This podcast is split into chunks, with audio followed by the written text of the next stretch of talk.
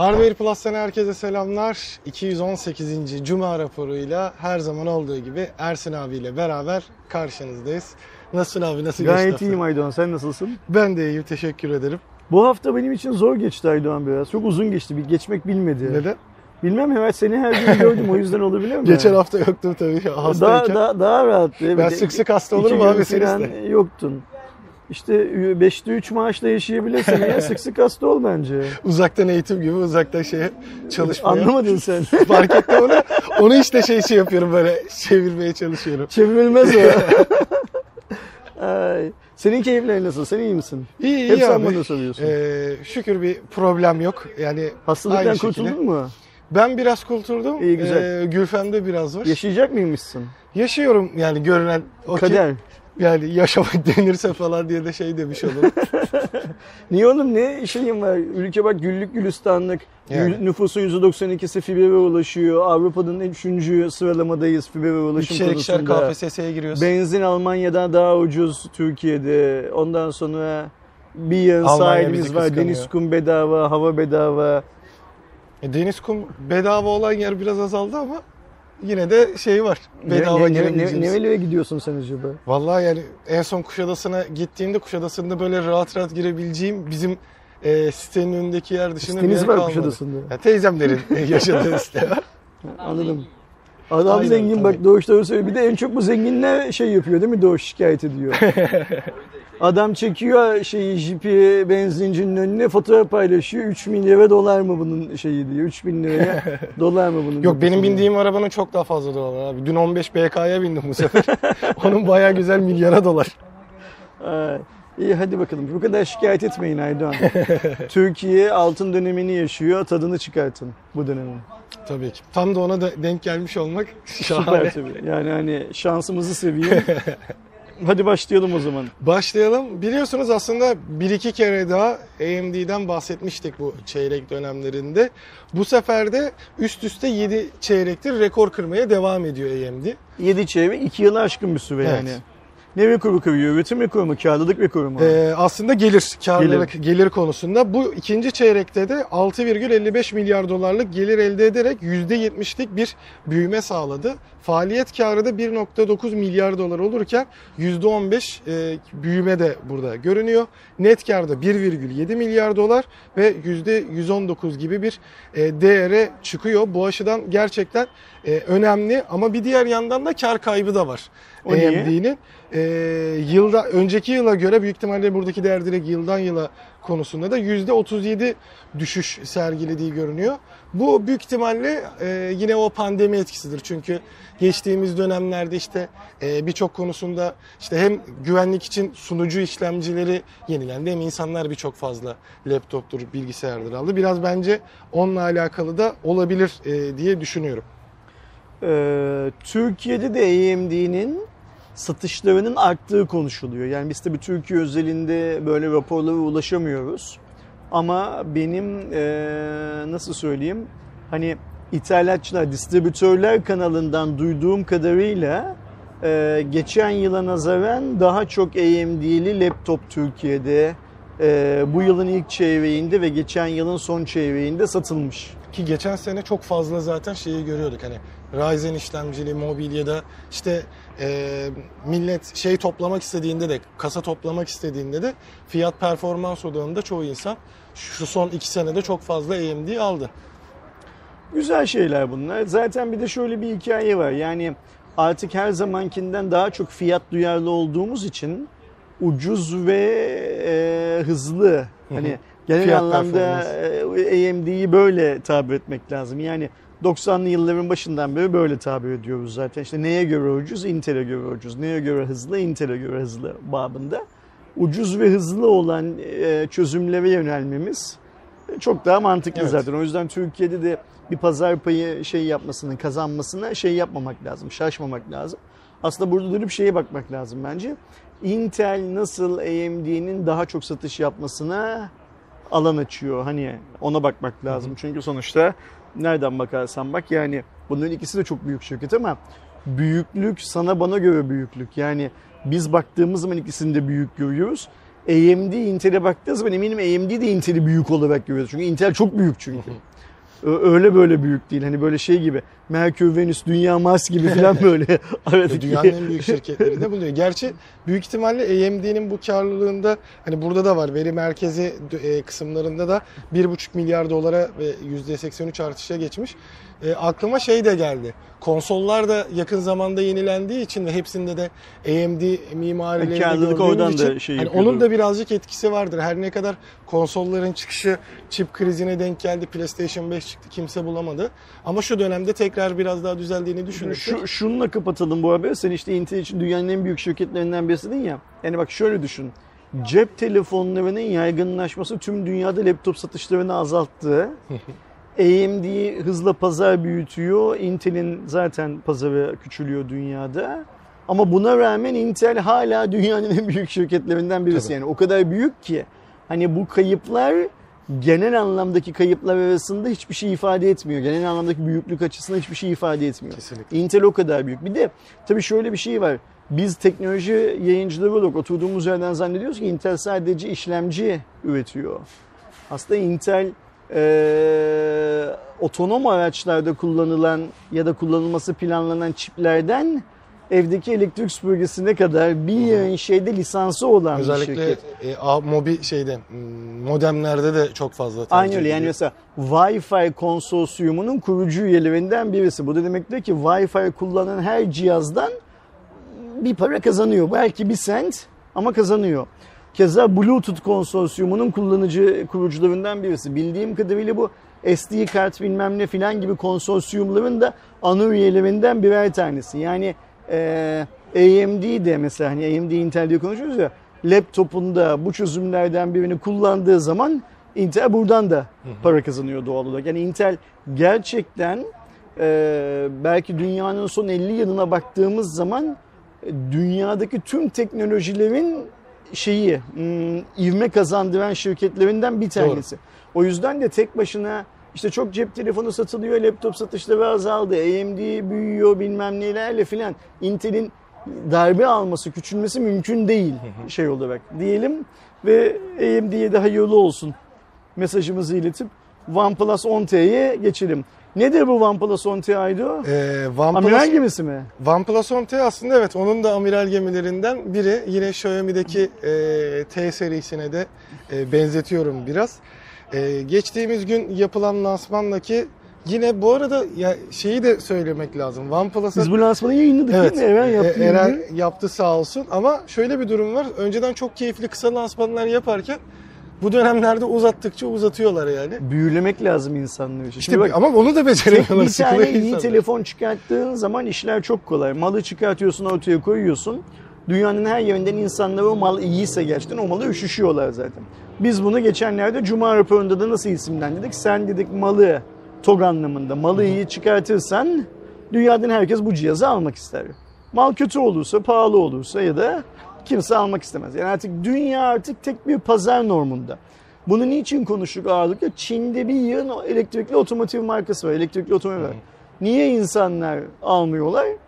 Onların hepsi iyi değil çünkü bu bir gerçek. Yani mutlaka özellikle pil konusunda uzun kullanımlarda çok büyük erozyonları uğruyorlar. Zaten arkadaşlarımız dönüp bakarlarsa o markaların ürettiği arabaların çoğunun Çin dışında satış için yeterlilikleri de yok ayrıca ya pil üretimi konusundaki bazı kimyasalları fazla kullandıkları için ya başka başka nedenler yüzünden yok zaten. Şimdi şeye gelecek olursak, o OnePlus'a gelecek olursak OnePlus'ta eğer iyi mal olursa, dünyanın her yerinden insanlar bu iyi malı alacaksa kısa lansman yapabiliyor. Ama mal iyi değilse, insanları kandırması gerekiyorsa lansmanda o zaman ne yapıyor? İşte Apple'ın yaptığı gibi şakşakçıları da oraya koyuyor başkalarını da oraya koyuyor. Lansmanı da uzatabildiği uzatıyor ki insanların aklında şu kalmasa bu kalsın bari diye. Evet yani orada böyle çok e, dikkat çekmeyecek şeyleri bile yaptılar. Çünkü OnePlus e, dengesine baktığımızda aslında T serileri sene sonunda Snapdragon'ın yeni işlemcileriyle çıkan modeli. Snapdragon nasıl Plus modellerini çıkılıyorsa bu da Plus modeli gibi bir şey oluyor aslında OnePlus şeyinde ki baktığımızda 8 Plus Gen 1'i kullanıyor. 8, 12, 16 GB RAM seçenekleri var. 128 ve 256 GB depolama birimleri var. 4800 mAh'lik e, bir bataryası var. Ama bu sefer 150 Watt'lık e, Superbook şarjı burada kullanıyorlar. E, özellikle BBK grubunun yeni geliştirdiği. Bir diğer yandan ekran tarafına baktığımızda 6,7 inçlik Full HD Plus 120 Hz bir AMOLED ekran var. Kasasına baktığınızda zaten OnePlus 10'da e, birebir benzer diyebiliriz. Kamerada da 50 megapiksel ana, 8 megapiksel ultra geniş, 2 megapiksellik makro lensimiz. Önde 16 megapiksellik kameramız var. E, Amerika'da 1 Eylül'de e, ön siparişi açılacak. 29 Eylül'de de genel satışına başlayacak. Ee, Avrupa'da ise birazcık daha erken bu Ağustos'un sonuna doğru 25 Ağustos'ta satışa çıkacak. Fiyatlara baktığımızda e, 828, 649, 16 256, 749 dolar fiyatına sahip olacak. Fiyatlar fena değil. Gayet Evet. iyi yani hani onu kabul etmek lazım. Ama bu segmentte çok fazla rakibi var. Onu da unutmamak lazım. Sence bu cihaz Türkiye'de bu fiyatla alıcı bulur mu? Ya bu fiyatla e, OnePlus meraklıları bulur da bir gelmez zaten. hani OnePlus hani böyle bir geldik dedi herhalde kaldılar çünkü hiçbir şey e, Gelmiş göre. yapıyorlar bence. merhaba deyip böyle hani kapıdan merhaba deyip kaçacağım Aa, durumu Aynen gibi. öyle. Gelmiş öyle yapıyorlar Ee, bence. ama tabii ki yani yıllardır şey olduğunu biliyoruz işte gerek çantacılardan gerek işte şey Peki sence e, hali hazırda OnePlus kullananlardan başkaları bu cihaza ilgi gösterirler mi? ya kendi OnePlus kullananlar gösteriyor. Mesela başkaları, onlardan başkaları. Yani onlardan başkaları yok genellikle yeni seriyi bekleniyor. Mesela T biraz daha OnePlus içerisinde meraklıların e, kullandığı bir ürünmüş gibi geliyor. Çünkü hani şöyle bir döngüsü var dediğim gibi sene başında ana seri çıkıyor. Sonra o tasarım kalıp sadece aslında işlemci yenilenen bir Yani sormaya çalıştığım şey şuydu. Göz alıcı bir telefon mu? Değil. Yok yakında çünkü yeni tasarımlı şey versiyonu gelecek. anlamında. Ee, ama ucuz bir telefon. Evet. Yani göreceli olarak ucuz bir telefon. Biz o ucuzluğu da Türkiye'de şey yapamayınca, yaşayamayınca bizim için sanki çok da bir şeyi kalmıyor, e, önemi kalmıyor değil mi? E, Ben bu arada OnePlus'a geçerken yukarıdaki Twitter haberini atlamışım. Ee, istiyorsan gel şeye ne derler? Twitter. Ee, yurdum topraklarına dönelim. Twitter Türkiye'ye özel bir e, özellik ortaya şey Evet. yapıyor değil mi? Daha Sunuyor. önce e, Amerika ve Brezilya'da Okey, böyle ufak diliyorum. tefek test ettiği şeyi Türkiye'de de test etmeye başladı. Aslında biliyorsunuz Twitter e, birazcık da herkese kendine göre istediğini söyleyebildiği, e, birçok farklı şeylerin yaşandığı bir platforma dönüşmeye başladı. Twitter'da kendi içinde bunun e, önlemini almaya çalışıyor ve reply prompts ya da yanıt sistemleri şeklinde geçen bu özelliği şimdi Türkiye'de de deniyor. Daha sonrasında global olarak kullanmaya Nedir bu başlayacak. özellik? Bir kullanıcı Twitter'da hakaret, kaba dil, nefret dolu söylem ve saldırgan dili içeren bir tweet atmaya çalıştığında Twitter bunu paylaşmadan önce ifadeni gözden geçirdiği bir e, ilk başta kendisine e, soracak ve bu sayede aslında o e, ifadeleri birazcık azaltmaya çalışıyor hani. Hmm. Sen birazcık e, ağır gitmiyor musun? Gibi bir e, soru sistemine getiriyor Anlıyorum. ve bunu şu an Amerika ve Brezilya'da aslında e, işe yaradığını kendileri birazcık görmüş. Hani Yani yapay mesela zekayla- şöyle bir şey var. Sen tweet atıyorsun. Diyorsun ki öf bugün de çok çalıştık, çok yoruldum diyorsun. Ben de diyorum ki sana ya ne yoruldun lan yavşak diye cevap Hı hı. veriyorum. Sen tuşuna basmadan önce bana diyor ki istiyorsan şunu bir daha kontrol et öyle mi? Evet yani e, o sırada gazla yazdığım bir şeyde hani Hacı abi bak emin misin sen birazcık Anladım. burada sert mi çıktın? Anladım. Çünkü Amerika'da %30 Brezilya'da %47'sinin hani bu soru geldikten sonra düzeltmesinde rol oynadığı verileri varmış Twitter'da. E, güzelmiş bu. Yani bence faydalı bir şey özellik. Böylece şimdi yüz yüze bakıyoruz. Boşu boşuna sana yavşak falan demiş olmam yani. Yüz yüzeyken direkt zaten söylenmiş oluyor. Twitter'da ama bir merak ediyorum mesela nasıl bir ya da o sınır dengesinde nasıl bir şey Herhalde bir sağlayacak? kelime kataloğu üstünden yola çıkıyorlar ya da zaman içinde öğrenilen bir e, hitap sistemi üstünden yola çıkıyorlar diye şey yapıyorum tahmin ediyorum. Ben böyle uygulamaların tamamını destekliyorum. Yani hani e, bunu dünyanın farklı yerlerinde özgürlükle ve müdahale bilmem ne filan filan diye isimlendirenler de çıkıyor. Ama sonuçta sen e, o uyarıyı gördükten sonra istediğini yapmakta özgürsün zaten. Öyle değil mi? Yani sana Yani tabii. şey yapmıyor en nihayetinde. Hani bu şey gibi Twitter'da bu Amerikan seçimlerinden sonra herhangi bir makaleyi retweet ettiğin zaman önce okumak ister misin diye uyarıyordu ya seni. Hala da yapıyor şey olarak. Bunlar güzel şeyler, hikayeler.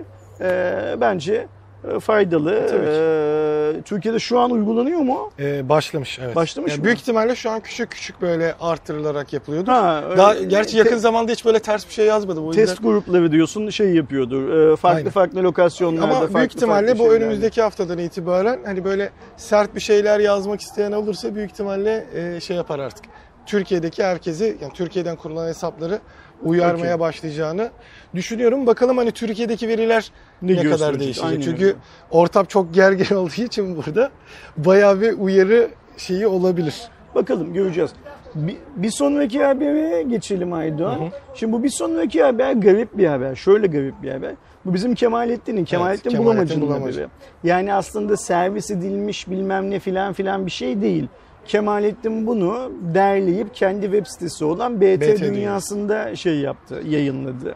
Ee, sonrasında da işte ekşi sözlüğün bu ekşi şeyler miydi? Ee, Ekşi şeylerde şey var. Ha, evet. Orada, sözlükte, şurada, burada filan bir yayın yerde sanki kendileri yapmışlar gibi kopyalanmış, yazılmış.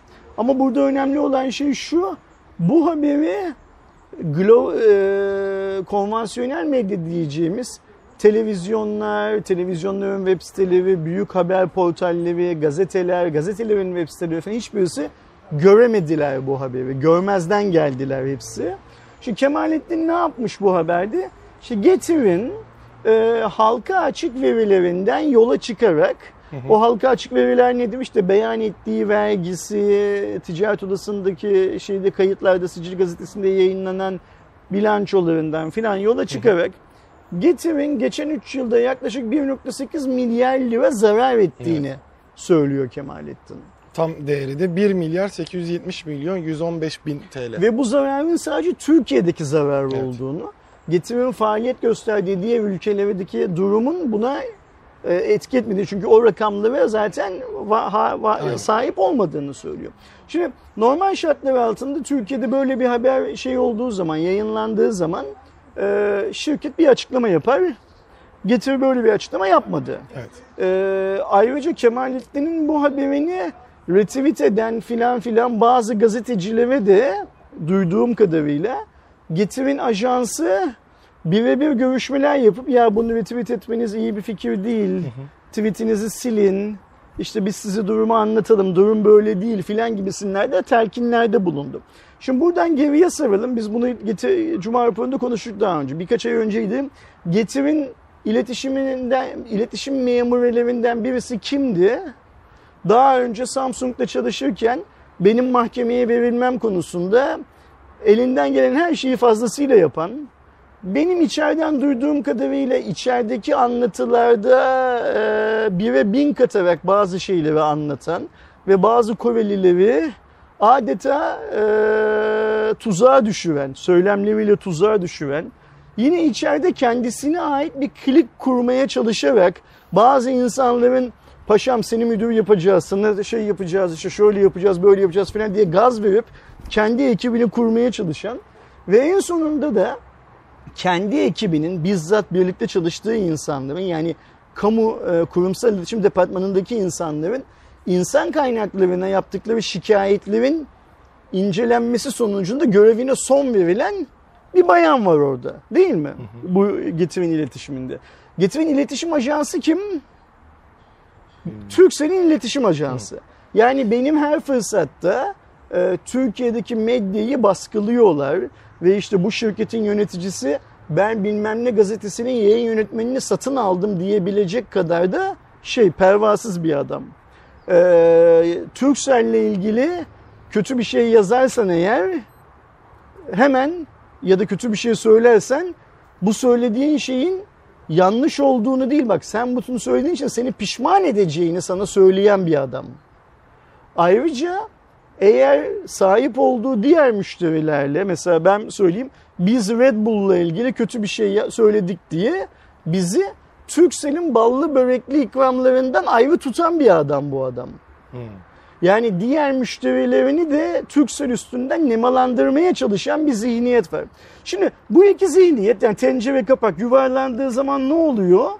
Ee, Kemalettin böyle bir haber yaptığında hiçbir gazetenin, hiçbir gazetenin web sitesinin ya da konvansiyonel medyadaki herhangi en ufak bir hesabın, aracın buna yer vermemesini sağlıyorlar. Nasıl sağlıyorlar?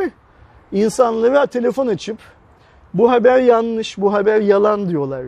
Ama yok öyle bir şey. Çünkü haber aslında kamuya açık kaynaklardaki verilerden derlenmiş bir haber. Şey olarak. Hı hı. Ve ayrıca bu haberi okuduğumuz zaman anlıyoruz ki Getir'in teorik olarak iflas etmesi gerekiyormuş. Ama sermaye arttırımda ve bilmem ne filan yapılarak kazandığından daha fazla parayı harcamasının yolu açılmış şirketin kurulduğu günden sonra. Tabii ki e, burada bazı kötü kararlar da var. Mesela Getir'in N1 ve Move'a yaptığı yatırımlar, N11 ve Move'a yaptığı yatırımlardan zarar ettiğini bilmem ne filan filan da anlıyoruz şeyden. Bence şöyle bir şey yapalım Aydoğan. Biz Cuma raporunun e, açıklama kısmında hani e, akışı Hı-hı. veriyoruz ya Kemalettin'in haberine de link verelim. Tabii ki. Arkadaşlarımız gidip o haberi okusunlar. Çünkü bu tarz haberlerin baskılanması, kim tarafından baskılanması? Getir zihniyetinin ve onun sahip olduğu ajans yönetimi tarafından baskılanması sansürün adı konulmamış halidir.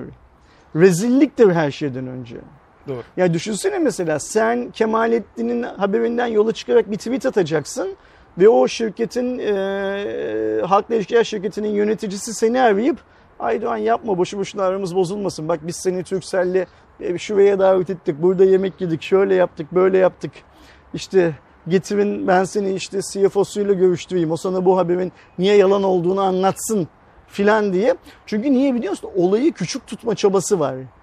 Şimdi herkes şunu söylüyor zaten. İşte Getir yurt dışında hala yatırım arayışında ve Getir'in hayal kurduğu rakamların hiçbirisini insanlar Getir'e şey yapmıyor. Yani Getir iyi bir yatırım aldı ama Getir karlı bir şirket değil göründüğü kadarıyla.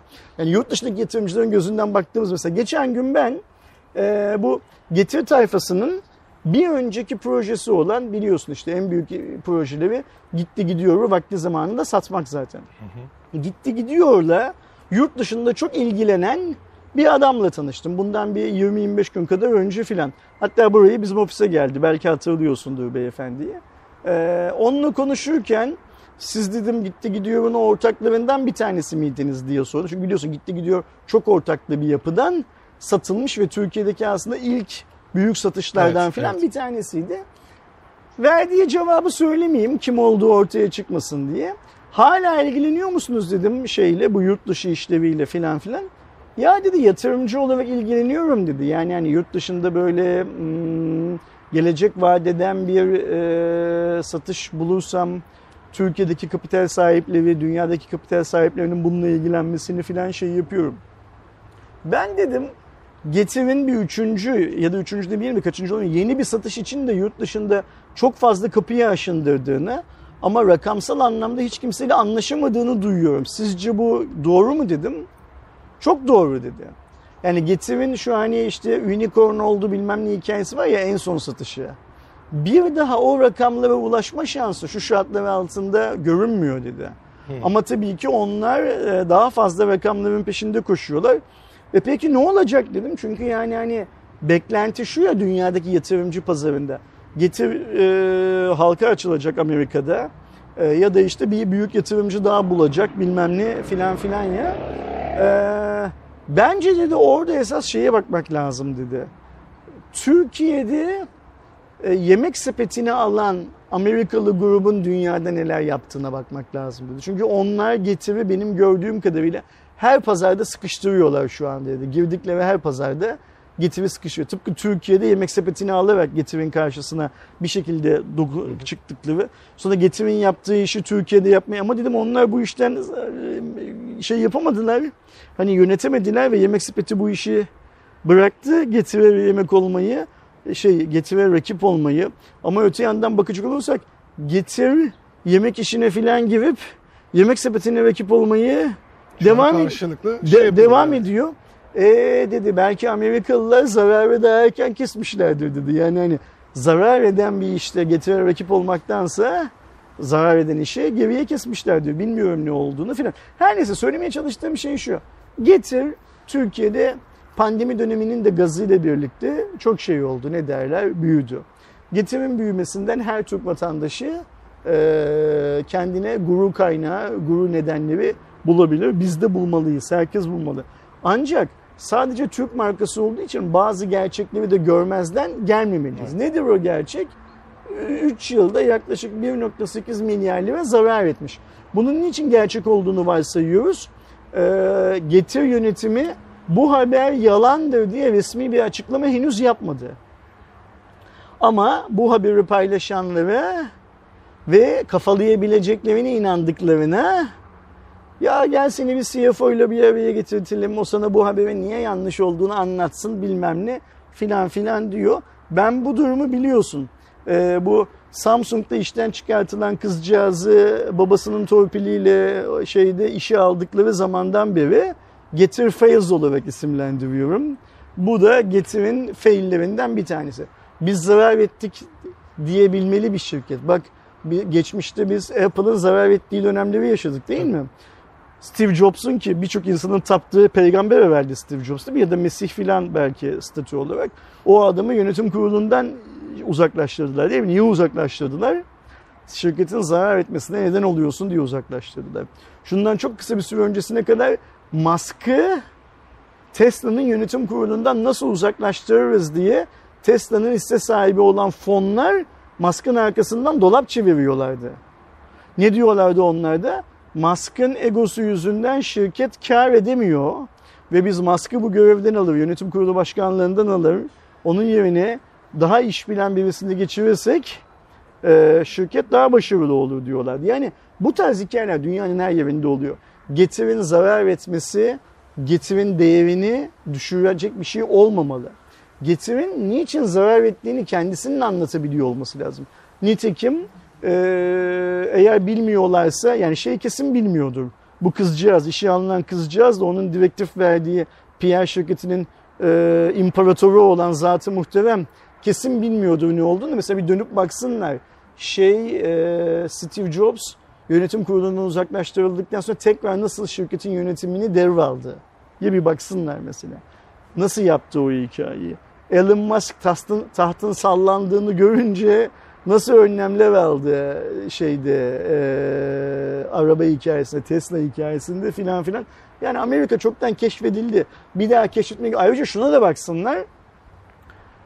E, sicili bozuk insanları işe alan şirketleri ve sicili bozuk PR şirketlerinden kendisine sözcü yapan şirketlerin başına ne gelmiş Amerika'da? Onu da baksınlar mesela. Bu gidişat gidişat değil. Yani sen X gazetesinin yayın yönetmenini ben satın aldım diyerek X gazetesinde bu, bu tarz haberlerin yayınlanmasını bir süre engellersin. Çünkü iyi o senin satın aldığın yayın yönetmeninin satın alınmış olduğunu herkes bilir. Bir süre sonra o adamın zaten yayın yönetmenlikten kaynaklanan gücünü kaybeder. Ya da o yayın bir süre sonra kapanır gider zaten. Sen PR şirketi olarak hiçbir yayını, hiçbir yayıncıyı yani ne kurumsal kimliği ne kişisel kimliği satın almakla övünmemelisin. Müşterilerinin karşısına ya biz bunları satın aldık bilmem ne filan filan diye çıkmamalısın. Aksine senin başka dertlerin olması lazım.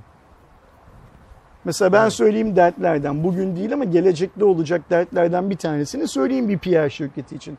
İstanbul Belediyesi seçimlerinin en son seçimlerindeki durum bir gün eminiz bir PR şirketinin, Türkiye'deki bir PR şirketinin başına bela olacak. Seçimi kaybeden tarafın masraflarının, daha doğrusu onlara verilen e, akıl hocalığı masraflarının bir başka şirket tarafından ödendiği dedikoduları var piyasada. Yani daha büyük adli soruşturmaların açılacağı günler gelecek PR şirketleriyle ilgili. E, çünkü PR şirketleri boylarından büyük işlere şey yapıyorlar, karışıyorlar Türkiye'de. Bir de bu şirketleri akılları sıra yoktan var ettiğini iddia eden, geçmişte ofis boyluk filan yapan ama şimdi e, PR şirketi sahibi olan tipler ki bunların çoğu densizler zaten bir yandan da. E, işte böyle biz e, genel müdür yönetiyoruz. E, ben kişisel olarak eğer bir şirketin yöneticisiyle bir araya gelirsem o bir araya geldiğim süre için fatura keserim bilmem ne filan gibi akılları sıra kendilerini bulunmaz Hint kumaşı filan gibi göstermeye çalışarak bazı böyle e, etiketlere sahip olmaya çalışıyorlar. Ama ortada konuşulduğunda ki çok büyük bazı şeyler var, usulsüzlükler var. Yani sen bir siyasetçiye kişisel danışmanlık yapıyorsun İstanbul Büyükşehir Belediyesi seçimlerinde ama paranı o partiden ya da o, şikay- o siyasetçiden değil başka bir şirketten alıyorsun filan. Elbet gün değişecek, devran değişecek ve bu adamlarla ilgili soruşturmalar açılacak ve bu işler bir şekilde yapılmış mı yapılmamış mı bilmem ne filan filan diye Türk halkının önüne konulacak. O yüzden ben Getir hikayesinde de hmm, açıkça söylemek gerekirse tarafları tanıdığım için yani Samsung'da işten çıkartılan kişiyi ne yazık ki çok iyi tanıyorum. Ee, babasının kim olduğunu biliyorum. Babası yüzünden medyada kendince bir dokunulmazlık sahibi olduğunu düşündüğünün farkındayım. Geçmişte bu yayınlarda söyledim mesela hep daha önce de anlattım aynı şekilde söyleyeyim. Bir masada sabah kahvaltısında Türkiye dışında otururken Hürriyet'in teknoloji editörüne canımı sıkma senin yaptığın sayfayı 10 dakika içinde alırım yazı işleminden, Hürriyet yazı işleminden bakarım diyebilecek kadar da cüretkar bir insan kendisi. Bu iş yapma tavrı e, bana yaptıklarını boş ver. Çünkü bana yaptıklarından bir çıkarı olamadı zaten. Ne oldu? En sonunda Samsung vurdu kıçına tekmeyi gönderdi. Şimdi getirdi kendi imparatorluğunu kurmaya çalışıyor. Aynı işleri getirde yapıyormuş şu anda. Öte yandan PR şirketinin sahibini de tanıyorum. Nasıl iş yaptıklarını da biliyorum. Bu zihniyet yani e, doğruysa sesini çıkarmayacaksın. Yanlışsa yo hayır Kemalettin'in yaptığı haberde yanlışlık var rakamlar şudur filan diye bir açıklama yapacaksın. Ya da Kemalettin'i bunu düzeltmesi için ikna edeceksin. Öyle ya Kemalettin Getir'in düşmanı mı? Değil. Türkiye'de herhangi bir gazeteci, herhangi bir markanın düşmanı olur mu? Olmaz. Ee, ama bu haberi paylaşanlara ya Aydoğan yapma da işte seni tekrar önümüzdeki yıl MVC'ye götürmemizin önünü kapatma filan gibi yaklaşımlarda bulunmayacaksın. Ee, gizli kapaklı işler çevirmeyeceksin. İletişim arkadan iş çevirme, insanların aleyhine yalanlar söyleme işi değil. Zarar varsa evet biz zarar ettik ama zarar etmemize rağmen Türkiye'nin hala unicornuyuz. Yatırım yapıyoruz diyebilmelisin mesela. Bence. Bu kötü bir şey değil. Sen bunu söylersen insanlar ekmeklerini sularını getirden söylemekten vazgeçmezler. İnsanlar ekmeklerini sularını getirden söyleyerek getire destek olduklarını daha iyi şey yapar. Bir hizmet alıyorum karşılığında para veriyorum bu adamlar da benim verdiğim paradan yatırım yapıyorlar. Daha çok insanı çalıştırıyorlar. Daha çok şey yapıyorlar değil mi? Mesela bak şeyde de bu oldu. Şu getir insanları işten çıkartacak hikayesinde de getir hiçbir açıklama yapmadı. Hı hı. Türkiye var mı o işin içinde yok mu bilmem ne falan. Biz bunu nereden duymak zorunda kalıyoruz? Getirde çalışan insanların kurdukları WhatsApp gruplarındaki yazışmalardan anlamak zorunda kalıyoruz. Bu çok çirkin bir şey. Yani. Şirket böyle yönetilmez e, günümüzün yöneticiliği bu demek değil. Günümüzün o neydi? Yatırımcılığı değil mi? Popüler kelime oydu. Herkes söylüyor. Günümüzün yatırımcılığı, melek pislikleri, yatırımcı. melek yatırımcılığı, pislikleri halının altına süpürme işi değil. Günümüzün yatırımcılığı bilakis daha şeffaf olmayı gerektiren bir hikaye. Daha transparan olmayı gerektiren bir hikaye. O yüzden biz linkini paylaşalım Kemalettin haberinin e, açıklamada Merak eden arkadaşlarımız gitsin onu okusunlar. Soruları varsa Kemalettin'e sorarlar. Kemalettin de benim bildiğim kadarıyla, tahmin edeceğim kadarıyla canı gönülden cevap verir o sorulara. Ve General Mobile'ın haberine geçelim. Bence bu General Mobile için şimdiden söyleyeyim süper bir hareket. Ee, General Mobile'a geçmeden bu arada ekleyecektim. Şimdi Lütfen e, söyle. konuşurken aklıma geldi yine böyle e, hisseyle falan alakalı. Hepsi burada da yaptığı açıklamada Nasdaq'tan uyarı aldığını söyledi. Amerika'ya şey yapmıştı. Ee, Evet, hisse değerinin atlamışız. 1 dolar altında e, seyrediyor. İlk çıktığında 14 dolar falan diye yanlış hatırlamıyorsam. Orada da bazı şeyler var. Biz bunu da galiba konuştuk daha önce. Hepsi burada bu halka açılma sürecinde e, Amerika'da Amerikan yatırımcılarının çok çok iyi tanıdığı kişilerden oluşan bir ekip kuruyor. Hepsi burada hissesi Amerika'da satışa çıkıyor. Sonrasında biraz değer kazanıyor. Ardından da muazzam bir düşüşe uğruyor. Bu düşüş esnasında rivayet edilen o ki e, hepsi burada bu Amerika'da kurduğu ekibi işten çıkartıyor tamamen. Ve yatırımcılar, yatırımcılardan kastım Amerika'da yaşayan Aydoğan, Amerika'da yaşayan Ersin, Türkiye'deki Ersin, Amerika'daki Ersin, büyük fonlar, yatırım yapan fonlar karşılarında muhatap bulamayacaklarını görünce ellerindeki hepsi burada hisselerini anladığım kadarıyla emin değilim bu konuda elden çıkartıyorlar. Çünkü onlara verilen bazı sözler var. Bu şirket yatırıma devam edecek, değerlenecek bilmem ne filan filan diye. Bu işler olmayınca hisse biraz daha düşüyor, biraz daha düşüyor filan filan. Orada şey söylentileri var. Ne derece doğru bilmiyoruz bunları. Hepsi burada keşke onları da açıklasa. Yani hepsi buradanın CEO'su olan en tepe yönetici olan Hanzade Hanım'ın, Hanzade Doğan'ın e, Amerika'daki otorite hmm, otoriter kuruluş tarafından ifadesi alınmak üzere davet edildiği ama bu davete kendisinin ilk başta uymadığı bilmem ne filan filan gibi söylentiler var. Doğru mu değil mi bilmiyorum. Böyle rivayetlere yer vermemek için işte şirketlerin açıklama yapması gerekiyor. Ama en sonunda geldiğimiz noktada şu var ki Amerika'daki otoriter kuruluş hepsi burada diyor ki şu güne kadar ne yap ne et hissenin tekrar Evet. değer kazandır. 180 gün süre Nasıl değer 18 kazandırırsın? Bu senin son. İstiyorsan git sen al diyor borsadan. İstiyorsan yatırım açıkla. Bilmem ne yap. İstiyorsan Amerika'daki dünyadaki bir yığın emeklilik fonuyla git konuş. Onların bu kağıdı almasını sağ. Kağıdı almak niye önemli?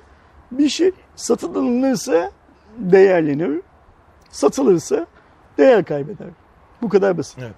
Ve Amerika'daki eğer Nasdaq borsasında hepsi burada işlem görmeye devam etmek istiyorsa yani delist edilmemek istiyorsa, borsadan dışarıya atılmamak istiyorsa 180 gün içinde önümüzdeki 10 ardışık gün Alacaklar. boyunca asgari Şimdi- alış fiyatına uyum sağlaması Şimdi lazım. ben bu haberi keşke Cuma raporuna ayrı haber olarak alsaydık. Getirin eklentisi olarak konuşmasaydık. Ben bu haberi duyduğum zaman Amerika'da yaşayan ve gerçekten işlevi e, şey olan, yatırımcılık olan yani Wall Street'te çalışan bilmem ne filan filan hatta İngiltere'de çalışan bir iki arkadaşıma sordum. E, şimdi söylenilen şey şu. E, evet bu bir sopadır getirin kafasına vurulan eyvallah ama buradan şöyle fırsatlar doğuyor diyorlar. Mesela getiri bu ucuz formdayken alıp ne de olsa bunlar 180 gün içinde bunu 1 dolar yapacaklar, yapmak zorundalar diye bekleyen yatırımcılar çıkabilir diyorlar mesela. Bu bir yatırım fırsatına dönüşebilir. Ya da elinde hala getir listesi tutup bu adamlar bu işi beceremeyecekler deyip getirden çıkacak olan insanlar da var. Yani her zamanki gibi kriz kendi içindeki fırsatları doğuyor, de- değerlendiriyor. Burada tüm dünyanın baktığı nokta şu. Nasdaq Doğan Holding'e, Türkiye'deki Doğan Holding'e 180 gün içinde bunu 1 dolar fiyata getirin ihtarını çekti. Ama Doğan Holding henüz herhangi yani hepsi burada henüz herhangi bir açıklama yapmadı. Şimdi yine neye geliyoruz? Şeffaflık, açıklık değil mi? İşte sanırım Türk şirketlerinin eksik yanı bu. Bu adamların hepsi e, Jeff Bezos'un Amazon'u nasıl kurduğunu anlatılan bir kitap var. O kitabı okumuşlar belli ki. Ama o kitabın yalanlarla, hayallerle dolu olduğunu kavrayamamışlar. Herkes, hepsi zannediyor ki bunların Jeff Bezos'un garajında Amazon kuruldu. Jeff Bezos'un garajında Amazon kuruldu evet doğru da Amazon'un bu hale gelmesi için Jeff Bezos kapı kapı dolaşıp milyonlarca dolar dilendi. Getirin buradan feyz alması lazım. Ayrıca yatırım yapanların önceliklerini şirket öncelikleriyle birlikte tuttu önünde. Büyümek öyle bin tane servis yaptım. 3000 kişiye Coca-Cola götürdüm. Kendi suyumu yaptım. Nerede doldurduğumu bile söylemiyorum ama millete iteliyorum. Filanla olacak iş değil büyümek. Büyümek dünyanın her yerinde eğer yatırımcı almak istiyorsan şeffaf olacaksın. Bak yatırımcı almak istediği, şimdi hepsi buradanın Amerika'da Nasdaq'ta halka açılması da ne demek diyor? Biz yatırımcı almak istiyoruz. oradan alacağımız parayla şu şu şu işleri yapacağız vaadidir. Sen şeffaf olmazsan, transparan olmazsan ilk önce Amerika'daki kadronu işten çıkarttığın için e, büyük yatırım fonlarından darbe yiyorsun. Sonra da otorite tarafından şey yapıyorsun. Sen şeffaf olmazsan getir tarafında ya şunu da tweetlemeyin, bu adamın yazdıklarını da prim vermeyin bilmem ne filan diye telefon konuşmaları yapıyorsun ki bu çok alçakça bir şeydir.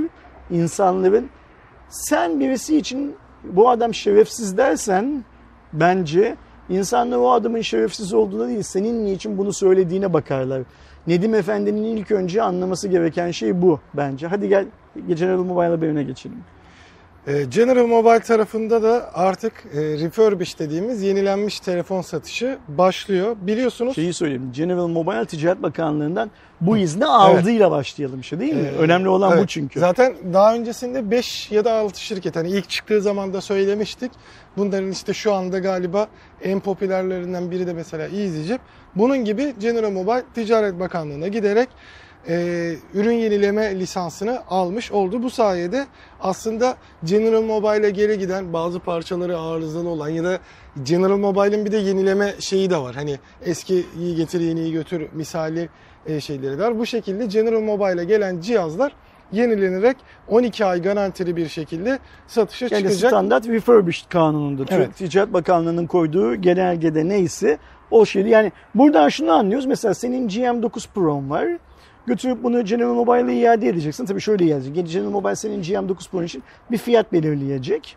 Ya da e, GM9 Pro'da garantiye gelen cihazlar, GM9 Pro demeyelim tüm cihazlardaki iadeler, değiştirmeler sonunda elinde kaldığı cihazları yenileyecek ve bu cihaz refurbished'dir diye satacak tekrar Evet. değil mi? Bu süper bir şey. 12 ay garantili ve 12 taksit kredi kartına da 12 Şöyle süper bir imkanı var. Bu adımı atarak General Mobile aslında şunu gösteriyor. Ben malımın arkasındayımı gösteriyor. Yani ben bu malı sıfır satarım. İnsanlar alır kullanırlar. Ben bir şekilde bu malı onlardan geriye alırım. İkinci el olarak tekrar satarım ve 12 aylık yasal garantiyi de vererek satarım diyor. Bu refurbished kanunu onaylandığından beri benim tüm markalardan yapmalarını beklediğim şeyi General Mobile yapıyor. Evet. Ve yani en azından şöyle bir durumda var. General Mobile zaten Türkiye'deki e, fiyat bazında da daha erişilebilir telefonlara sahip model ve sene başında işte GM22 ailesinden bahsederken işte sene başında çıkmanın şeyiyle herkes fiyatının yüksek olduğunu söylemişti. Daha sonrasında yeni modeller çıksın o zaman görelim dedik. Şimdi kısmen ucuz kaldı tabii ki. Ama bu demektir ki örneğin GM22 Pro şu anda güncel fiyatını bilmiyorum ama X lira diyelim. Yenilenmiş artık Y liraya daha ucuza da alınabilecek ve buradaki en güzel şeylerden biri işte refurbish yenilenmiş telefonların kredi kartına da 12 taksit imkanı olması. Şimdi bak 5 dakikada değişir her şey muhabbeti var ya Masraf'ın, Masraf Alanso'nun sözü. General Mobile'dan General Mobile'ın sahibi olan Telpa büyük bir kriz yaşıyor. Ne krizi? İşte şirketin yönetiminde komiserler var. Bir akaryakıt şirketinin açtığı dava yüzünden şirketin iflası isteniyor bilmem ne filan filan. Bu bir kriz değil mi? Büyük bir kriz. Tabii ki. Telpa yönetimi bu krizi çok güzel fırsata çevirdi. Bence ne yaptı biliyor musun? İnsan kaynakları açısından şirketi yanlış yöneten, bence şirketi yanlış yöneten ve aslında ara kadroda olan ama bazı bilgilerin üst kadroya ulaşmasını engelleyen yöneticilerden kurtuldu. Şimdi o yöneticileri alan şirketler düşünsün, işe alan şirketler düşünsün bence. Bu çok önemli bir iş. Sonra ne yaptı? Bu hmm, fetvet devri içinde, çünkü sonra da bir fetvet devri var. Yeni cep telefonlarını tanıttı. Bu hikayeye daha önce zaten başka paketlerde filan kısmen başlamanın sinyalini vermişti. Şimdi lisansını aldı bunu yapıyor. Ve ben bekliyorum ki yine bu haberden öğreniyorum ki Türkiye genelinde 24 farklı noktada General Mobile'ın servisleri varmış. General Mobile'ın şimdi yapması gereken şey bence küçük küçük dükkanlar açmak. Hem sıfır ürün satacağı hem insanların girip General Mobile ürünlerini deneyebilecekleri hem de bu ikinci el ürünleri satacağı dükkanlar açmak General Mobile'ın şimdi yapacağı. Özellikle böyle şehirlerdeki o telefoncuların çok olduğu yerde de yaparsa Nerede işi- olursa olsun Türkiye'nin 81 elinde General Mobile'ın 81 tane küçük dükkan açacak şeyi vardır. Ne derler? Ekonomik gücü vardır. İnsanlara bunu anlatmak için biz şirket olarak, Telpo olarak General Mobile markamızın arkasındayızı insanlara anlatmak için General Mobile markasında ürettiğimiz ürünlere ne kadar değer veriyoruzu insanlara kanıtlamak için bu mağazaları açmak zorunda. Yani insanlarla General Mobile'ın tek buluşma noktası teknik servis olmamalı artık. Ve hiç böyle Apple'ınki gibi, Samsung'unki gibi, LG'nin, Sony'ninki gibi şatafatlı dükkanları falan da ihtiyacı yok. Çünkü insanların General Mobile'dan beklentili ve şatafat değil. İnsanlar General Mobile'den hizmet bekliyorlar, iş bekliyorlar. Ne diyorduk? Biraz önce söyledik. Malı koy ortaya. Malı iyiyse dünyanın her yerinden gelen insanlar alır bunu. Sen General Mobile olarak malı koy ortaya. Mal iyiyse dünyanın her yerinden gelen insanlar alır bu malı. Ben süper bir iş yapmışlar. Kimin aklından çıktıysa bilmiyorum. Biliyorsun benim General Mobile'de öyle özel bir kontağım bilmem ne falan yok. Fikir kimin aklından çıktıysa bunu General Mobile içinde, Telpa içinde kim yönetiyorsa bu projeyi Allah emeklerine karşılığını almayı ver, nasip etsin bu arkadaşımıza. Evet. Bu, bu yöneticiye. Süper bir iş. Bunun Türkiye'deki tüm markalara örnek olması gereken bir iş. Öyle kullanıcı hatası bilmem ne filan deyip geriye çekilmekle olacak işler değil bu. Doğru. Bunun örnek olması lazım.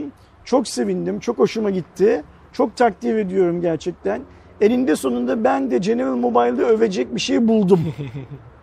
Bunun için de çok mutluyum ayrıca. Doğru.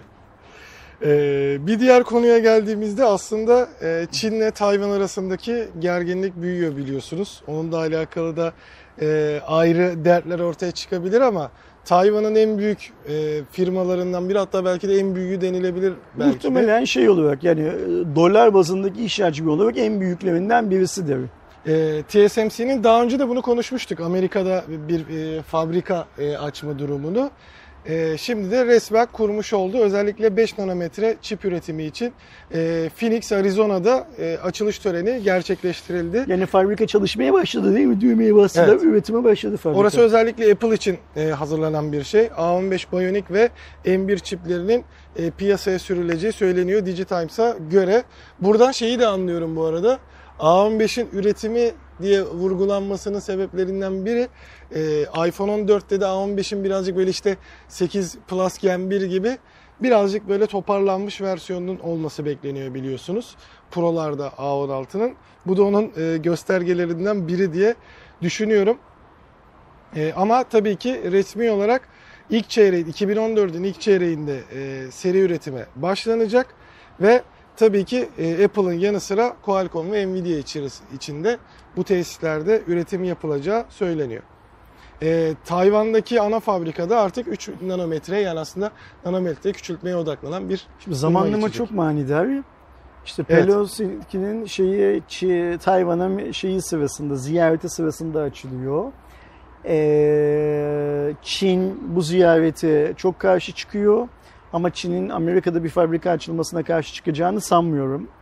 Ee, şirketin yani hangi şirketin e, TSMC'nin kısa bir süre önce Foxconn büyük ortağı haline gelmek için adımlar atıyor. Foxconn bir Çinli şirket. Hı hı.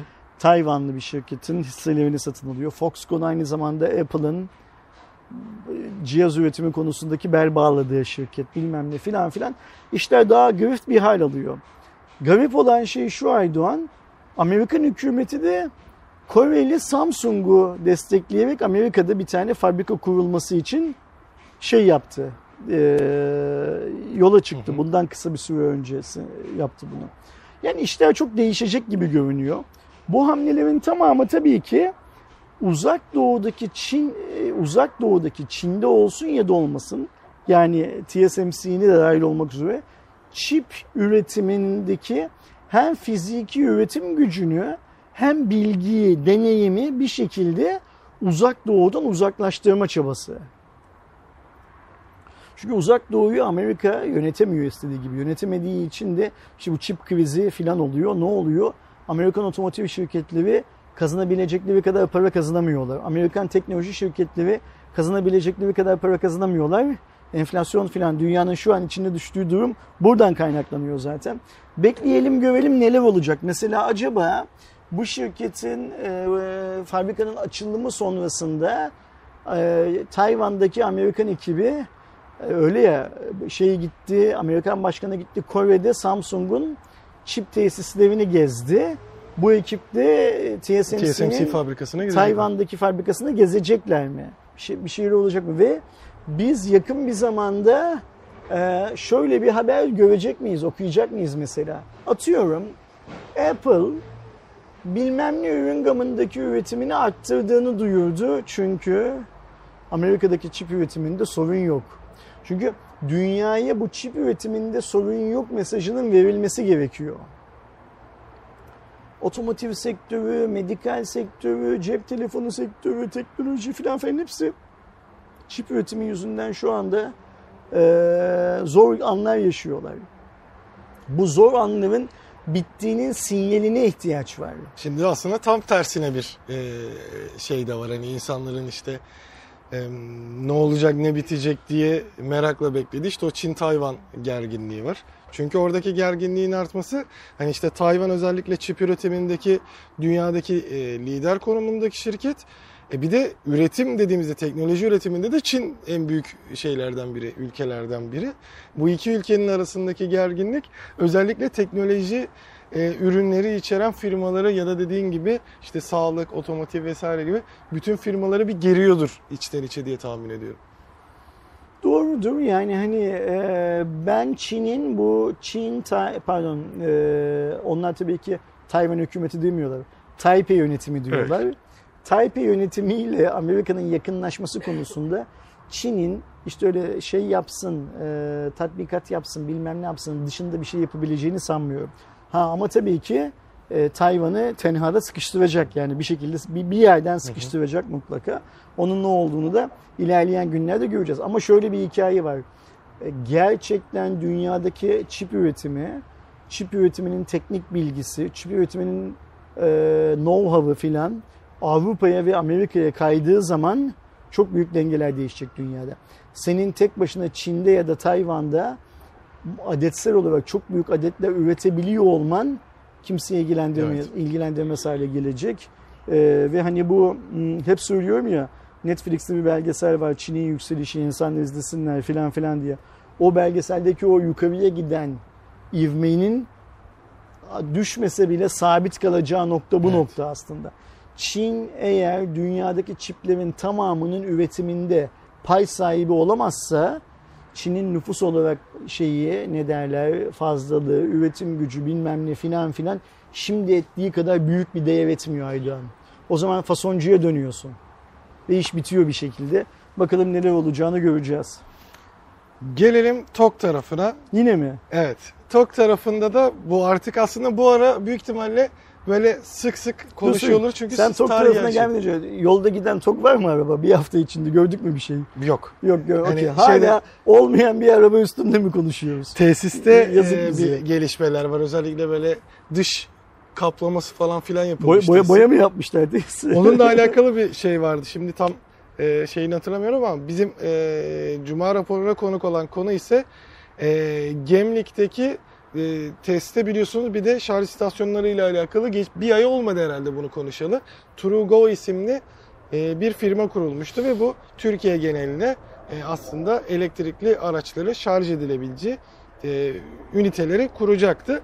Bununla alakalı da e, artık cihazların kurulum ve testlerinin başladığı bilgisi paylaşıldı. Ne başlamış? Şarj üniteleri mi kurulmaya başlanmış? Evet. Okay. Ama yani şu an test kısmı e, başlamış. Yani bu şey değil değil mi Aydoğan? 81 ilin herhangi birisinde şarj ünitesinin temeli atılmış, o bir işe haş dökülmüş, kablolar çekilmiş filan değil değil Yok, mi? Yok onunla alakalı. Hala fabrikada yapılan işlerden Hı-hı. bahsediyoruz. Gemlikte yapılan işlerden evet. bahsediyoruz. Her şeyi o şeyin e, Depeche Mode'un bir şarkısı vardır. İşte her şeyi o evin içinde oldu filan gibi bir muhabbet. Yani tabii o romantik bir şey böyle Hı-hı. değil de e, TOG'un hikayesi de öyle. Yani her şey orada oluyor. Ve onun dışındaki... Gemlikte olan gemlikte kalmasın tabii de. Ay süper. Yani en azından oradaki işte testlerin e, yapıldığı e, bilgisi paylaşıldı. Şimdi ben bu senin anlattıklarını anlıyorum ki TOG diyor ki biz diyor yakın bir zaman önce diyor 81 ilde şarj ünitesi kuracağımızın duyurusunu yaptık diyor. Şimdi de şarj ünitelerini ilk olarak kendi fabrikamızda ya da kontrollü bir alanda test etmeye başlıyoruz. yakın zamanda hemen üretime geçeceğiz şey aslında. İşte bu yakın Evet. zaman TOG, TOG'un takvimindeki yakın zamanla halkın takvimindeki yakın zaman birbiri şey mesela TOG üretime de yakın zamanda geçecekti. 2022'nin sonunda ilk ticari araç değil mi ortaya çıkacaktı. Şimdi 2023'ün ilk çeyreği oldu. Türkiye için 2024 için son çeyreği Avrupa için filan gibi laflar ediliyor. Bilmiyoruz ne olduğunu. O yakın zaman hikayeleri garip ama en azından şunu biliyoruz. Eğer ortada bir araba varsa TOG çalışan giden bir araba varsa o arabanın şarj edilebileceği bir ünite kuruluyor değil mi? Tamam süper. Bu iş için de eee, 750 milyon liralık bir yatırım teşvik belgesi almış değil mi Evet. TOG? bin elektrikli Sanayi ve Teknoloji. Bakanlığı tarafından 750 milyon liralık bir yatırım teşvik belgesi almış. Sürekli teşvik ediyoruz TOG'u hadi yapın şu işi diye. Devlet kaynaklarından, kamu kaynaklarından sürekli teşvik ediyoruz TOG'u. Ve yapıyoruz, yapacağız. Yapmaktayız, yapmakta olacağız filan gibi e, İngilizceden Türkçe'ye geçen çünkü sonuçta bunlar okumuş çocuklar ya hepsi hani şeyde bir önceki iş yerlerinde öyle mail atıyorlardı şimdi de öyle konuşuyorlar şey yapıyoruz cevaplar alıyoruz 81 ilde 600'den fazla şarj ünitesi sözü verildi değil mi? 600 şarj ünitesi demek aynı zamanda 600 aracın şarj olabileceği. Yok hatta e, 600 farklı noktada 1000 şarj ünitesi var. Heh, okey. Soketleriyle beraber 2000 araç. Tamam. Düzelt beni böyle. Ben böyle mahsusdan şey yapıyorum ki düzelt beni böyle. Şimdi Aydoğan bir de bir sonraki habere geçmeden şeyi konuşalım seninle.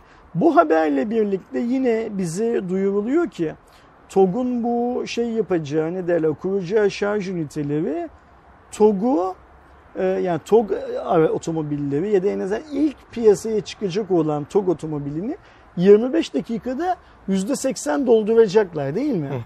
25 dakikada %80 doldurmak genel klasmandaki normlara baktığımız zaman iyi bir oran mı Evet. Aydoğan? Direkt ortalama değeri. Orta Genellikle yani- hep e, maksimum yarım saat içerisinde yani 20 dakika yarım saat içerisinde %80'den bahsediyoruz. Öyle mi? Okey tamam. Yani hani burada TOG e, belki bir rekor kırmıyor. Yani hani en hızlı şarj etme anlamında ama ortalama değeri Zaten veriyor. e, Öyle hemen mi? hemen hepsi dediğim gibi yarım saatten söz ediyor. Orada ne değişiyor? E, büyük bataryalı ya da uzun menzilli araçlarda ise e, kilowatt değeri değişti. Daha doğrusu e, şarjdaki aldığı watt değeri değiştiği için işte DC diyoruz, AC diyoruz. Onların bir de 150'likleri falan da var. Ona göre değişiyor. Burada Ama şimdi standardı biz, yakalamışız. e, ilk çıkacak olan e, SUV yani şu geçen hafta da konuştuk. 900 bin liraya satılması plan satılacağı söylenilen TOG'un zaten öyle yüksek bir kapasite, pil kapasiteli olmadığını biliyoruz Evet. zaten değil mi? Onun 300 kilometre miydi teorik Ee, şey evet. menzili? Ve deniyor ki onunla 300 kilometre yapmak bile İstanbul trafiğinde mümkün olmaz filan ayrı mevzu. Ama o cihazın en azından o otomobilin 25 dakikada %80 şarja ulaşacağız vaadi var TOG'un. Evet. Yani eğer TOG bir AVM'ye, bir insanların 25 dakika zaman geçirebilecekleri bir yere şu 81 ildeki şarj istasyonlarından bir tanesini kurarsa aile oraya gelip bir hamburger yerken, işte çocuğa bir ayakkabı bakarken filan filan otomobilini de herhalde oraya yüzde sıfırla gelmeyecekler zaten Yani. şarj olarak. Neredeyse yüzde yüz yapacak kadar filan enerjiyi alıp oradan Ee, ayrılma şansları şeyde- olacak. Evet evet yani %100'e yakın bir değer olur. Süper. Ee, buradaki şey de e, önemli noktalardan biri de dediğin gibi hani o kadar e, duruma göre mesela şey durumu da oluyor. Menzili azsa o 25 dakikada e, %80'e ulaşabilecek şarj oranı da e, daha düşük kilowattla daha düşük, daha düşük watt değerleriyle volt değerleriyle sağlanabiliyor oluyor. Çünkü mesela örnek veriyorum benim EQC ile yaptığım işte e, Aydın yolculuğunda şimdi artık biraz daha fark ettiğim şeylerden biri benim %100'ü beklemem mesela çok mantıklı bir hareket değilmiş. %80 %80'de hızlı geliyor çünkü. Ki akıllı telefonlarda falan da böyledir. Fark ettiyseniz hep Nitekim bu %80 yorumlar 90'a zaten senin videonun altında. Evet. Ya elektrikli otomobili olan ya da bu konuyla ilgilenen arkadaşlar tarafından e, birçoğu da çok uygunsuz bir şekilde yazılmıştı zaten şey olarak. İşte o Türk halkının e, yorum bile yapamama sanatı. Çünkü bu sanatı Türk halkı kendi içinde cehaletiyle geliştirdiği için yorum bile yapamama sanatı. E, bu yine şey diyeceğim Aydoğan. Hepsi bundan sonra galiba hep aynı TOG şunu yapsın ortaya çıkarsın iyiyse millet alır. Geçen hafta ben bunu söyleyince bir arkadaş Twitter'da yazmış bana abi nereden buluyorsun böyle işte hani sen ortaya koy iyiyse millet gelir alır filan filan hikayesi. Ee, Kevin Costner'ın Field of Dreams diye bir filmi var izledin mi? Yok galiba. Ee, bir beyzbol konusundan yola çıkarak yani bir Orta Amerikalı çiftçi mısır tarlaları vardı yanlış hatırlamıyorsam. Tarlanın ortasında bir beyzbol sahası inşa ediyor. Ve bir hayali bir ses ona diyor ki sen bu tarlayı şey pardon bu beyzbol sahasını inşa et.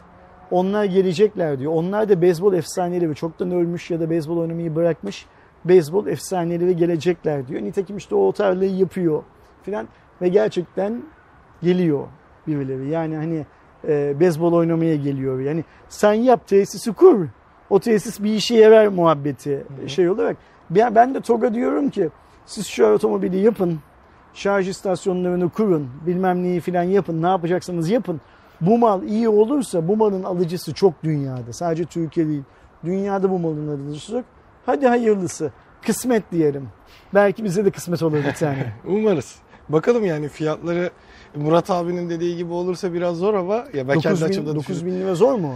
Ben- Benim adımdan çok zor bir Peki şey. senin teorik olarak bir otomobil alma hayalin var mı? Var. Sıfır Her- otomobil alma hayalin. Ee, her insan gibi evet. Yani her genç gibi daha doğrusu. Okey.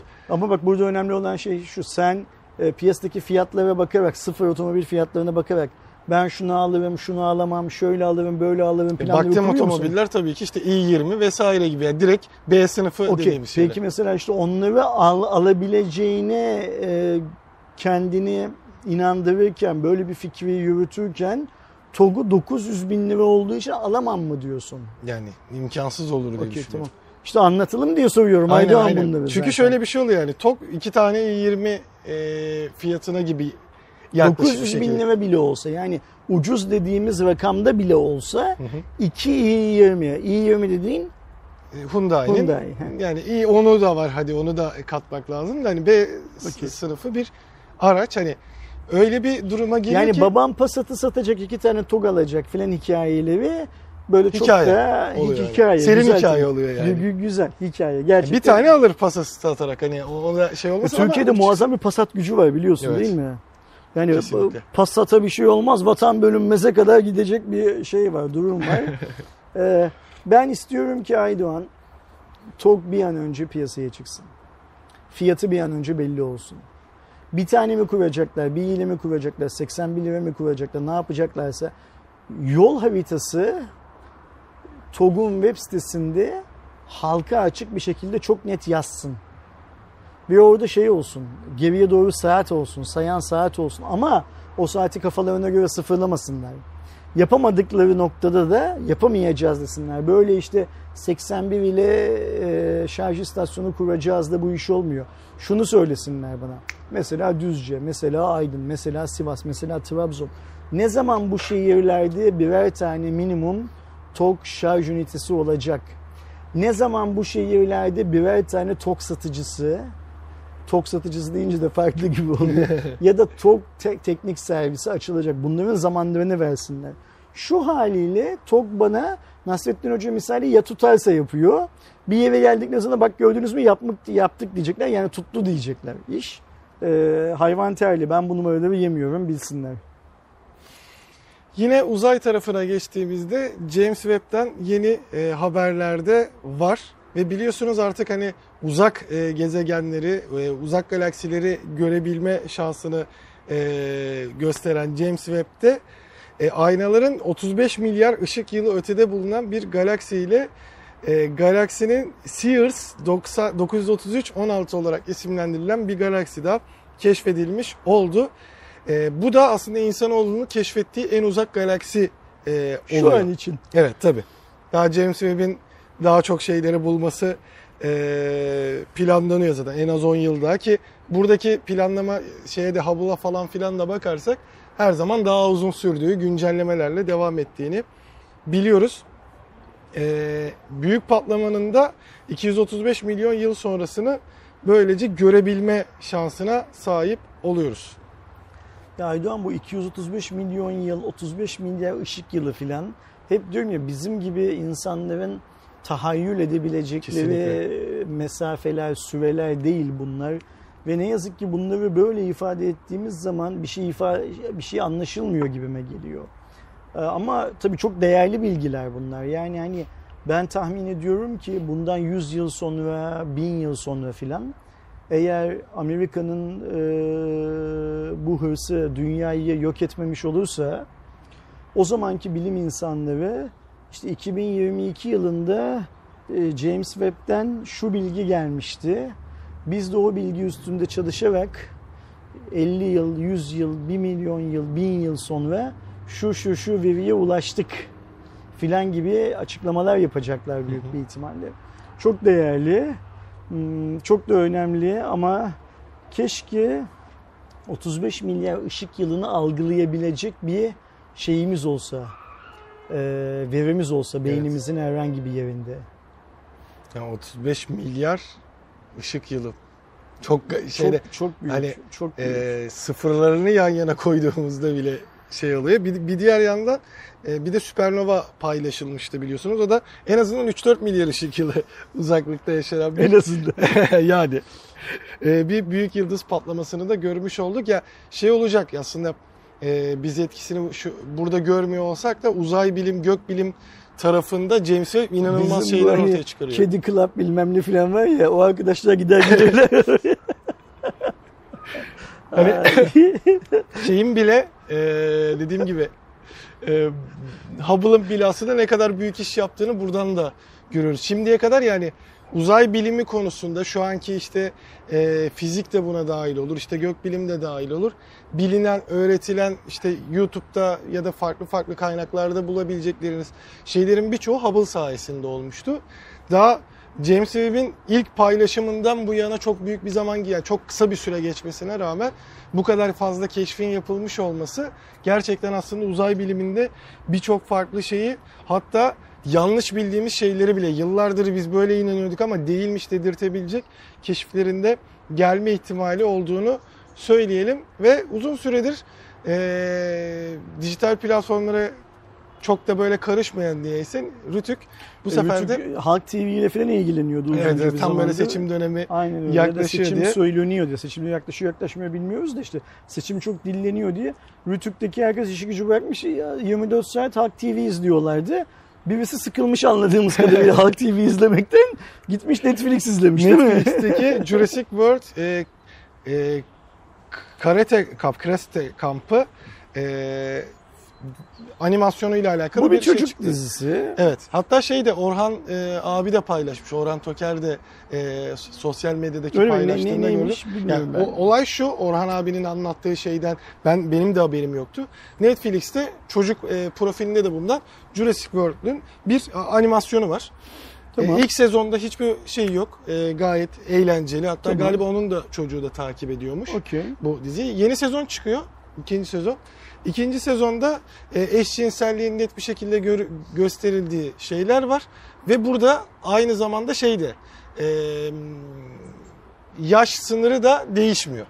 Sonrasında ama anladım. hani Orhan abi bunu paylaştıktan e, kısa bir süre sonra artık orada e, dalga dalga yayılan şeyle mi ya da Amerika'da mı başlamıştı bu dalga onu tam bilmiyorum. E, Netflix bunun şeyini düzelterek yaş, Yaş sınırını sınırını daha yükseğe çıkartarak çocuk şeyinden çıkartıyor. Anladım. Ama bu süreç e, Ama şeyle tabii şimdi burada şöyle bir şey var. İlk sezonu çocuklar izledilerse, o çocuklar beğendilerse ikinci sezonu da izlemek isteyecekler zaten. Sen bunu istiyorsan e, X-rated, 18'e çek. e, Aynen, R-rated'a çıkar. getir. Ne olursa olsun. Yani hani o çocuk onu izleyecek.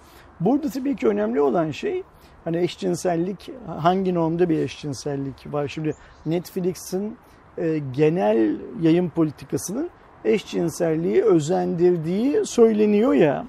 E, Ben bundan ben böyle düşünmüyorum. E, Kesinlikle. Onu söyleyeyim peşin olarak. Ama şöyle bir şey var. Bana da ben şu konuda eğer böyle bir söylem varsa ona destekçi oluyorum. Eşcinsellik Netflix yapımlarının tamamında sanki bilinçli olarak senaryoya ekleniyor bir şekilde. ben onu ben de söylerim mesela. Yani hani ve bundan insanlara rahatsızlık duyma hakları var. Bundan rahatsızlık duyan herkesi homofobik olarak e, şey yapamayız ne derler etiketleyemeyiz. Ee, yani bunun şeyi de öyle e, hani e, homofobik olma diyerek bu insanları rahatsız olmaya yönlendiremezsin. Ama şu var geldiğimiz noktada Netflix izlemek zorunda değilsin. Yani Netflix sana zorla kendini izletmiyor.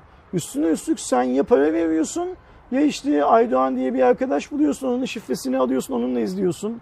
O filan filan gibi yöntemler buluyorsun. İzlemek için sen gönüllü oluyorsun yani. İşte senin gönüllü olduğun aşamada da ebeveyn kontrolü dediğimiz bir şey var. Bu ebeveyn kontrolü sadece bir uygulama filan değil. Yani Bir gerçek değil hayatta ebeveynlerin yapması gereken bir şey bu zaten. Sen nasıl çocuğun uçuruma doğru koşuyorsa peşinden gidip oradan düşmemesini sağlıyorsan çocuğun eğer böyle bir içeriğe erişmeye meyilli hale geliyorsa ve sence onun yaşı hala bu içeriğe erişmeye uygun değilse engellemekle de mükellefsin. Yani çocuğu seviştin, doğdu, eline tablet verdin ne iş bitmiyor. Bunu daha önce de konuştuk. Evet. O tableti nasıl kullanacağı da senin şeyinde ne derler sorumluluğunda.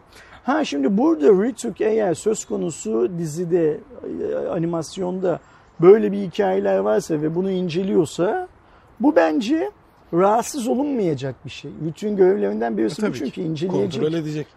ne karar vereceğine bakmamız lazım. Çünkü şöyle bir hikaye var Aydoğan. Şimdi mesela bunun ikinci sezonuna bu eğer e, zararlı derse mesela Netflix'e şey geliyor. Türkiye'de biz bunun yayınlanmasını istemiyoruz da diyebilir Evet. değil mi? O zaman Sense8'in bilmem nenin filan da yayınlanmasını istemiyor olman lazım. Ve bir yayınlanmasını istemeyen şeyleri işaretlemeye başlarsan Netflix'te, Netflix'te geriye bir tek bir iki tane hayvan belgeseli kalır bence. Ki onlar bir iki tane diyorum çünkü bir, onların da bir kısmında hayvan cinselliği, üreme yöntemleri bilmem ne filan filan da var. O yüzden bir iki tane kalır şey olarak. Ee, garip işler bunlar. Ee, ben şahsen Rütü'nün Halk TV izlemekten vazgeçip başka şeyler de izler hale gelmesinden memnunum şu haberde. Ama ne karar vereceğini de merakla bekliyorum.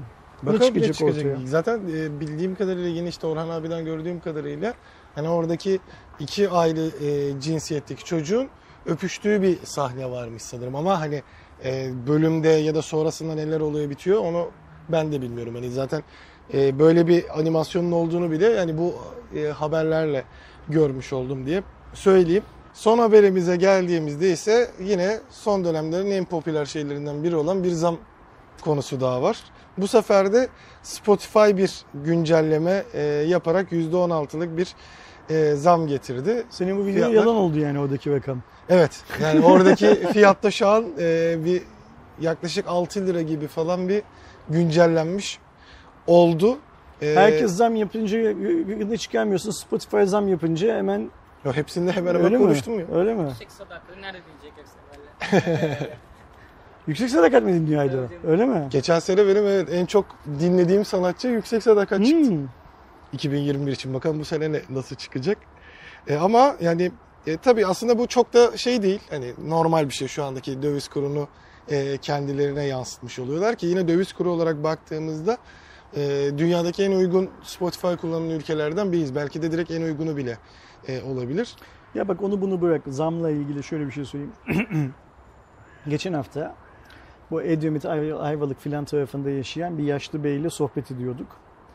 Ee, Bir 6 ay, 7 ay, belki biraz daha fazla ama bir yıl değil kesinlikle yurt dışında yaşamak zorunda kaldı. Bazı özel nedenler yüzünden geldi.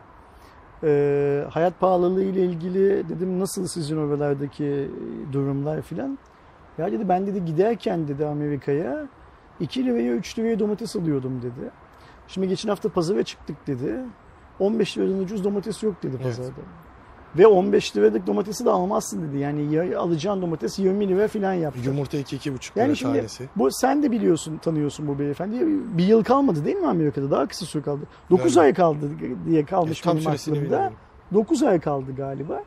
Ee, yani hani 9 ayda 2 liralık 3 liralık domates 15-20 liraya geldiyse e, Spotify bilmem ne falan hepsi de Az belli bile. fiyatlara gelecekler. Yani bu çok normal. Buradaki normal olan şey bizim niye bunu sorgulamamamız aslında. Niye böyle olduğu sorgulamamamız aslında. Evet. Ya şöyle de bir durum var. Spotify'ın e, gönderdiği işte abonelerine gönderdiği mailde eğer şu zamana kadar herhangi bir şekilde Spotify aboneliğiniz yoksa devam eden e, siz şu anda abone olmak istediğinizde bu yeni fiyatlarla abone olacaksınız. Ama e, şu anda mevcut bir premium aboneliğiniz varsa o duo olabilir, aile olabilir, bireysel olabilir vesaire. E, Ekim'e kadar yani Ekim'deki faturaya kadar 2 ay boyunca eski tarifeden yani normal ödediğiniz şeyden devam ediyorsunuz. Yeni fiyatlara baktığımızda bireysel 21 lira, duo 2 kişilik versiyonu 28 lira, 6 hesaba kadar olan aile 35 lira, öğrenci de 10,5 lira olduğunu söyleyelim. Yani yapacak bir şey yok. Bunları sadece eleştireceğiz ama neyi eleştireceğiz? Fiyatı Spotify'ın ya da Apple'ın ya da Samsung'un ya da atıyorum işte Netflix'in arttırmasını eleştirmeyeceğiz. Onların bu zammı yapmaya niçin gerek duyduklarını anlamaya çalışacağız ve bizim e, hayatımızın nasıl oluyor da bir yıl içerisinde hatta bir yıldan daha kısa süre içerisinde ekonomik anlamda bu kadar zor hale geldiğini kavramaya çalışacağız. Öyle ya sorunu teşhis, teşhis etmeliyiz ki çözümün ne olacağı konusunda fikir sahibi olabiliriz. Kesinlikle. Öbür türlü fikir sahibi olamayız çözümlerle ilgili. Ee, yani Netflix, Spotify, mesela Spotify kaç lira diyorsun? 3 lira mı 6 lira mı zam yapmış? Ee, yaklaşık öyle bir şey oluyor yanlış. Okey, 10 hatırlamıyorsam. lira da yapsın. %16. 10 lira da yapsa yine normal karşılayacaktık, karşılanacaktı bu zam. Yine diyecektik ki her şeyin fiyatı artıyor. Dememiz gerekiyor ki her şeyin fiyatı niye artıyor? Her şeyin fiyatının artmaması nasıl sağlanabilir? Bunları şey sorduğumuz zaman aslında e, çözüme doğru yol almış olacağız. Allah uzun ömür verirse o günleri de kısmet ederse o günleri de görürüz inşallah. Ee, böylece ki şuradan Diyorsun tam ki fiyata bakayım. duayı amin denmez e, şey yapalım. Yo bu arada e, bireyselde ben yanlış e, aklımda kalmış. E, arkadaşlara yanlış aktarmış olmayayım. 18 liradan 21 liraya çıkmış. 3 lira yani. Aynen. İşte 6 lira da olsa yine aynı şeyleri söyleyecektik. Yani o da Ee, doğru. 218. Cuma raporu? Evet. 218. Cuma raporunun sonuna geldik değil mi? Yine güzel haberler seçmişsin sağ ol. Galiba yine uzattık biraz öyle mi? Bilmiyorum yani ben de hala O şokudan atlatamamıştı Daha pilim var diyor, Daha aynen. pilim var diyor. İstiyorsanız çekerim diyor hala. Görürüz akşama. Akşam saat 7 falan gibi yayını almış oluyoruz. Bir Yarın akşam da kısmetse Twitter'da bu konular üstünde konuşuyor olacağız. O yüzden lütfen Hardware Plus'ın Twitter hesabını henüz takip etmiyorsanız takip edin. Yarın akşam Twitter'da, bir sonraki akşam pazar akşamı canlı yayında. Önümüzdeki hafta Cuma günü de yine Cuma raporunda görüşünceye kadar kendinize iyi bakın. Hoşçakalın. Hoşçakalın.